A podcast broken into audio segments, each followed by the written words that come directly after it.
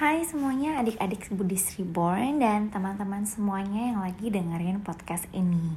Karena tak kenal maka tak sayang, nama aku Angeline. Saat ini aku bekerja di salah satu bank Korea di Indonesia. Dan sebelumnya aku tuh juga pernah loh menjabat jadi wakil ketua Budis Reborn Seingat aku tuh di tahun 2016 sampai 2018 deh.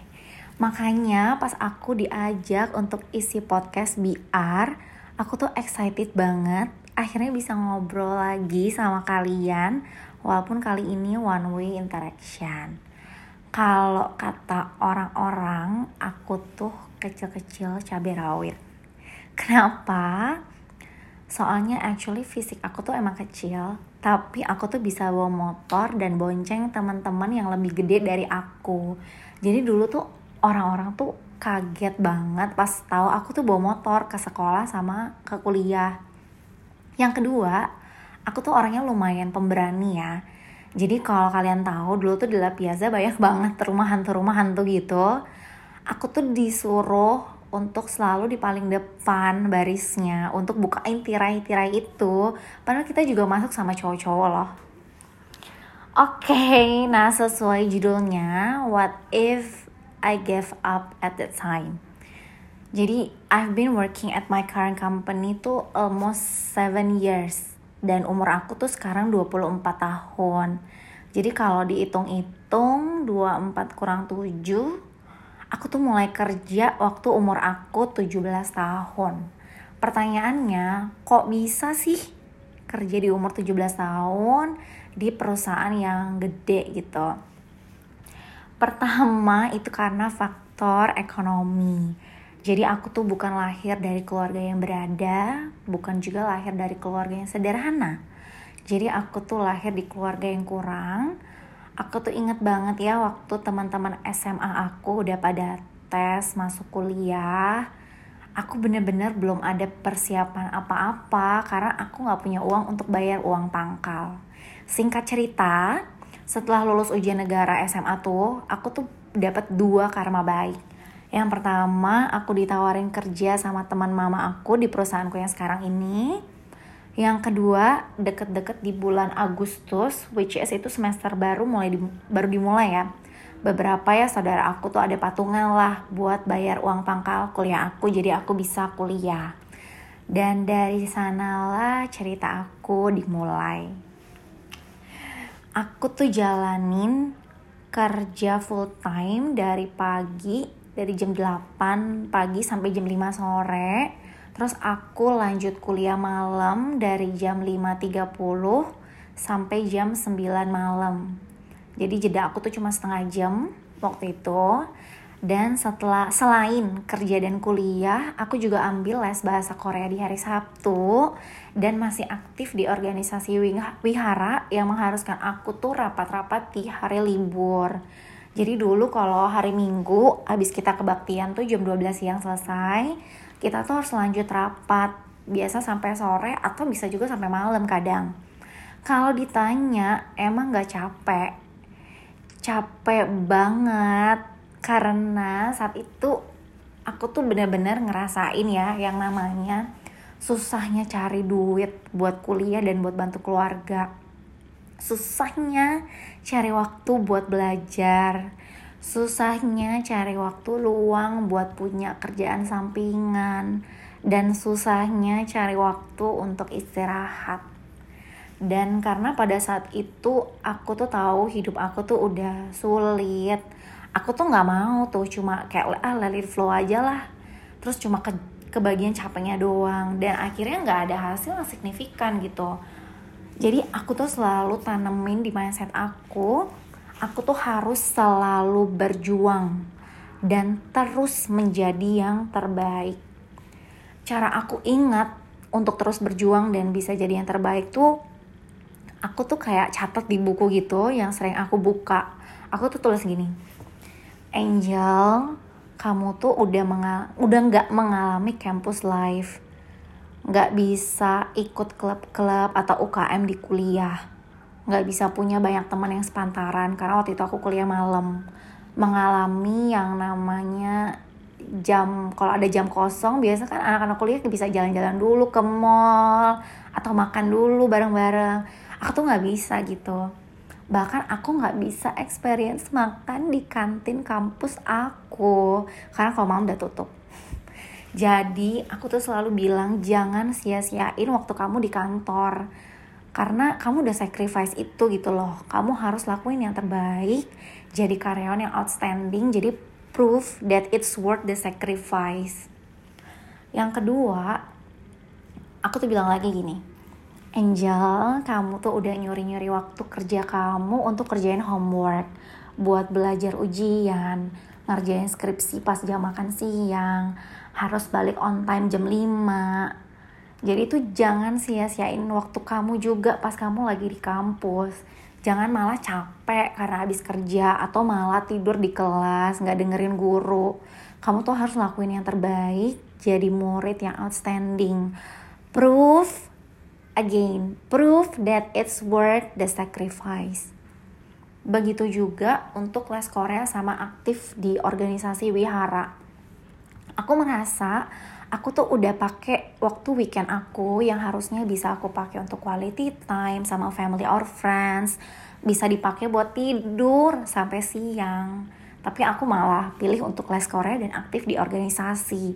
Jadi jangan juga sia-siain waktu kamu. Kamu tuh harus serius pas ngeles, harus terus memberikan kontribusi di Buddhist Reborn. Jangan cuma jadi free rider atau numpang nama. Itu tuh benar-benar no-no banget deh buat aku. Dan gimana sih caranya aku bisa jalanin semua ini? Yang pertama, kita harus bagi waktu yang benar. Time managementnya itu harus bisa lah.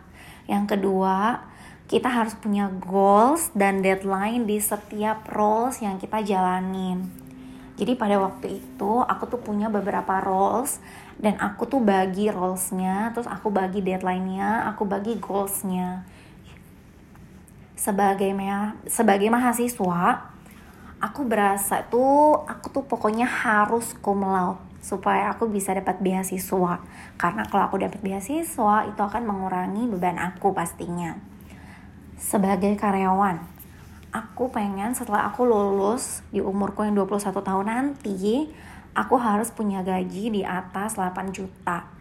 Karena waktu itu pas aku masuk kerja tuh di tahun 2014 yang umur aku 17 tahun itu gajiku tuh cuma 2,8 juta dan uang itu aku harus kumpulin duit buat bayar kuliah, buat uang jajan sehari-hari, buat bantu keluarga juga. Itu tuh benar-benar mepet banget gitu.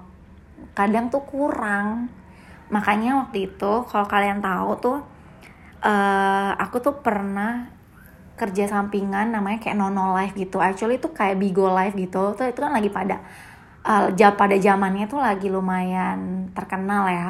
Jadi kalau di Nono Live itu kamu tuh cuma live terus kasih tahu kayak uh, tentang hobi-hobi kamu gitu loh. Waktu itu aku uh, dance, jadi banyak kan aku live tentang dance.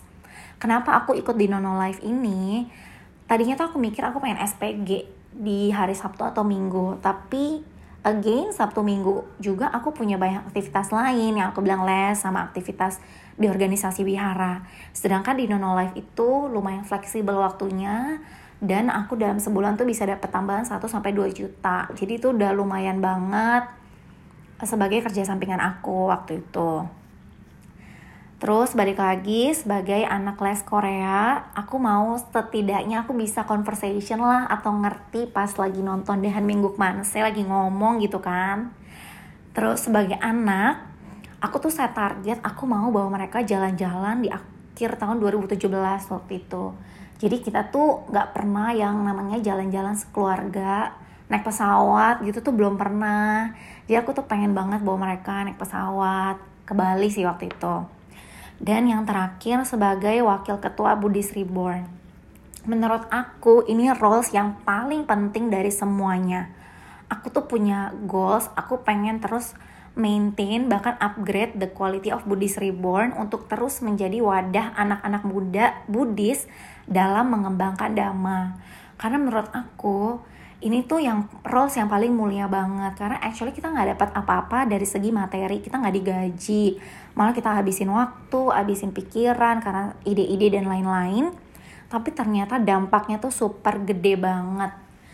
Aku bener-bener belajar yang namanya organisasi belajar jadi leader belajar time management belajar communication. Itu semuanya tuh dari Buddhist Reborn dan kenapa lagi kenapa waktu itu pas aku masuk kerja aku umur 17 tahun gak punya pengalaman kerja belum kuliah masih SMA tapi aku bisa kerja yang bagus gitu.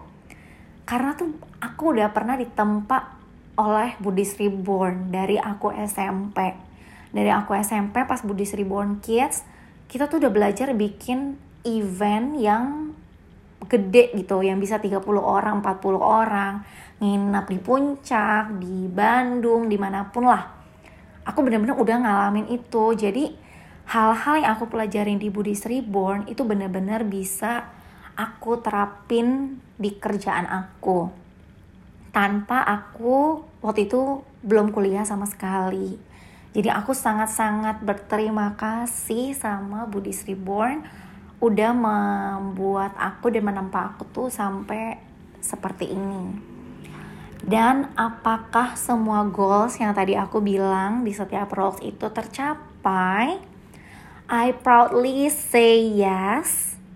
Karena sebagai mahasiswa aku berhasil cum laude dan berhasil dapat beasiswa. Sebagai karyawan, saat ini posisi aku jadi sekretaris CEO dan gaji aku udah dibilang lumayan secure. Sebagai anak les, keseriusan aku belajar bahasa waktu itu yang ngelit aku bisa di posisi ini. Sebagai anak selain aku udah bawa mereka waktu itu ke Bali bareng aku juga berhasil beli apartemen di usiaku umur 23 tahun dan membuat kita uh, aku dan family pindah dari rumah kontrakan dan sebagai aktivis di organisasi wihara sampai saat ini pun aku masih aktif bantu di Sunday School dan juga di kebaktian umum.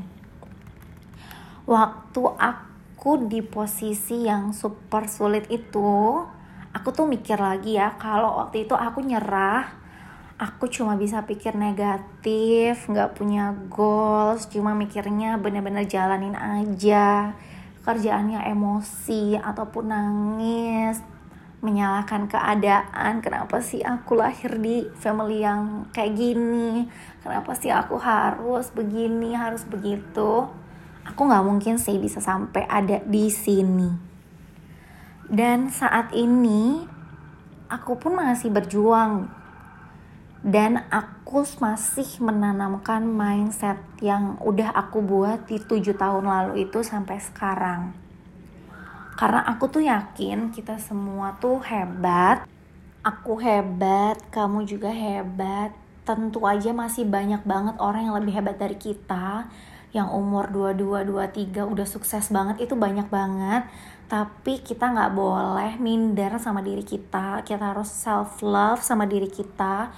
Kita harus proud sama diri kita asalkan kita udah selalu membuat indikator-indikator kesuksesan uh, menurut kita sendiri dan juga selalu punya pikiran untuk nggak pernah menyerah dan nggak gampang menyerah kita terus berjuang dan selalu berpikir positif towards everything. Karena pikiran kita itu tuh seperti menara suar jadi sinyal positif yang kita keluarkan itu akan menarik sinyal positif juga yang ada di luar sana. Begitu pula sebaliknya, kalau kita tuh selalu mikirnya negatif, terus yang datang ke kita tuh juga pasti negatif. Dan terakhir, aku mau bilang sama kalian, kerja keras itu nggak pernah dan nggak akan mengkhianati hasil.